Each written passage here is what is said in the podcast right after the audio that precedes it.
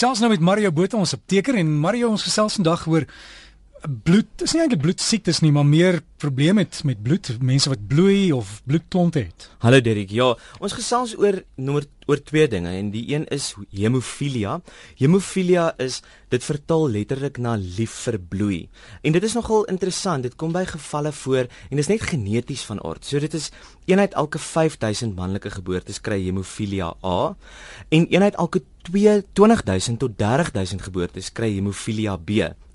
En dit is 'n genetiese siekte wat plaasvind en die vroulike hormoon of die vroulike geen dra dit op die X-kromosoom. So mans kry dit op die X en Y kromosoom, dan kom dit voor in hulle lewe waar 'n vrou het twee X-kromosome en die een kromosoom weet beskerm so half die ander een en hulle kry nie hemofilia nie. So dis nogal interessant. En dan het ons 'n 'n mens wat baie maklik bloei, bloei uit hulle ore uit, uit hulle neuse uit, uit tandvleise uit en en dit is nogal gevaarlik. Maar mense wat bloeiers is, hulle sal gou weet hulle is bloeiers. Hulle is en jy kom dadelik agter, jy as daar 'n snytjie is, stol dit nie, daar vorm nie 'n roofie nie en dan bloei hierdie persoon onophoudelik en dit stop nie. So dit is nogal een van die tekens waarna jy kan uitkyk. En mense moet versigtig wees met so 'n tipe mense. So hoe stop mense dan maar, ja? Jy jy kry 'n koagulasiefaktor vervangingsterapie en dit is nou nogal 'n groot woord. Um en die aktief is desmopressin. Jy kry dit ook as 'n neusproei en ons moet vir hierdie mense letterlik koagulasiefaktor gee want 'n koagulasiefaktor maak 'n rofie en hierdie mense het nie die vermoë om rofies te kan maak nie. So ons het vir hierdie middel gee om dan hierdie roofie te kan maak en te kan sê maar nou stop ons die bloed en en dit is hoe ons hulle behandel. Dis baie sleg want hierdie persoon mag nie aan kontaksport deelneem of weet skerp voorwerpe hanteer of sulke tipe goeders. So dit is nou nogal belangrik dat ons hierdie persoon fyn dophou. En as jy tandarts toe gaan sê vir hom. Dit is belangrik as jy tandarts toe gaan, as jy vir operasies gaan. Dit is belangrik dat jou dokter weet jy's 'n bloeier. En is interessant, iets soos flos, wanneer mense flos by die huis of of harde tandeborsels het, dit veroorsaak dat hulle tandvleise begin bloei en nie ophou nie, of hulle neuse begin bloei en dit hou nie op nie. En baie keer, dit is onderwysers by skole wat kinders in hulle klas het en daai kind se neus begin bloei en dan besef besef jy hier's 'n probleem. Hierdie kind se neus hou nie op bloei nie en dit kan 'n bloeier wees. En dit is belangrik. Dit is goed om in jou werksomgewing te vra vir mense, is jy 'n bloeier? Ek wil daarvan weet en ek wil jou kan help. Sê vir my wat ek kan doen. En dit is nogal goed. Sit 'n noodnommer op of weet waar jy naaste hospitaal om hierdie mense te behandel wat wat bloeiers is. Aan die ander kant is daar weer mense wat se bloed begin stol of dit maak dis, klonte. Dis die ander probleem. Is ons kry mense wat 'n 'n klein aardjie bars in jou liggaam of hy skeur en dan moet in 'n normale tipe persoon vorm daar dan 'n rofie so half inwendig en dit stop hierdie bloeding.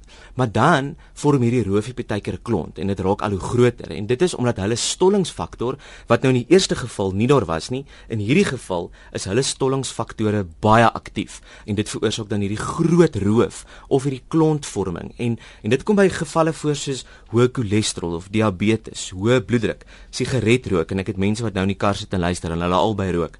Sigaret rook, familiegeskiedenis. Dit is dinge wat wat bepaal dat jy hierdie bloedklontvorming veroorsaak en uh, omdat jy hierdie faktor het wat bloedstolling um, teweeg bring en dan, dit moet versigtig wees want as hierdie ding losbreek beweeg dit dan deur die long of deur die brein of die hart en dit is dan 'n embolis en mense gaan dood daarvan en dit dit is nogal sleg.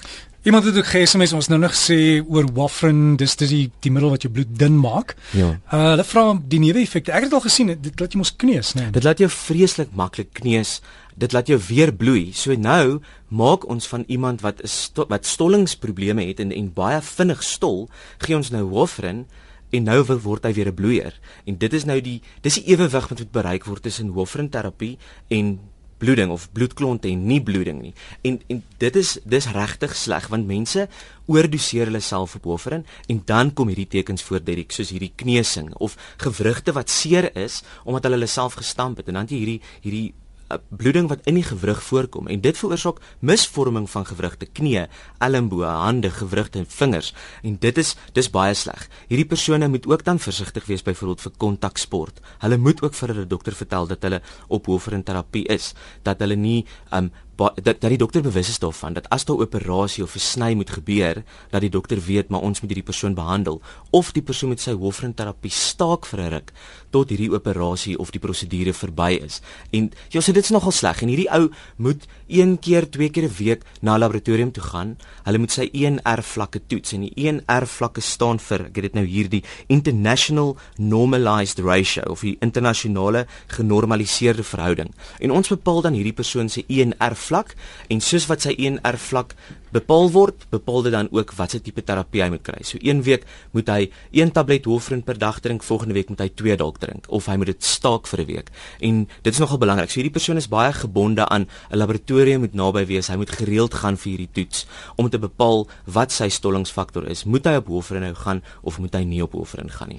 Is daar natuurlike produkte wat jou bloed sal dun hou? Daar is produkte onthou iets soos die aspirien, weet die, die hartdisprin is goed, maar onthou hy moet onder 100 mg wees. Bo 100 mg gee hy weer vir jou hierdie analgetiese werking, die pynstiller werking onder 100 mg gee vir jou hierdie bloedverdunningseffek. Dit is hoekom Ekotrin is op die mark en dit is 'n 81 mg en die harde disprintjie is 'n klein disprintjie wat jy sommer net oplos in jou mond en dit is 100 mg. So kyk daarvoor as jy by die huis jou gewone disprint wil breek, maak seker as dit die 150 mg is dat dit dis dis die wonderlike een om te vat, want jy breek hom en dit gee vir jou 75 mg en dit is perfek.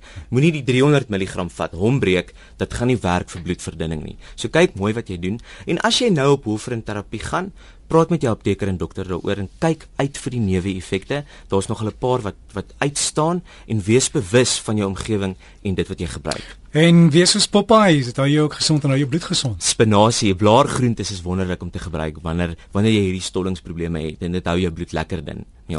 Seker. Maar jy, jy gaan al die inligting vir ons op Facebook sit. Op Facebook soek maar net vir Mario Botha apteker op Facebook. Altans kan jy dan ook mario.m.botha by gmail.com kan jy my e-pos by. E-pos. So gesels ons met die apteker Mario Botha en onthou die goed waaroor ons gesels, vra jou dokter, hy ken jou ook, hy ken die kinders, hy ken die man, ken die vrou en jy kan vir Mario dan e-pos is mario.m.botha by gmail.com of soek hom op Facebook Mario Botha apteker en hy sal vir ons inligting daar gaan laai.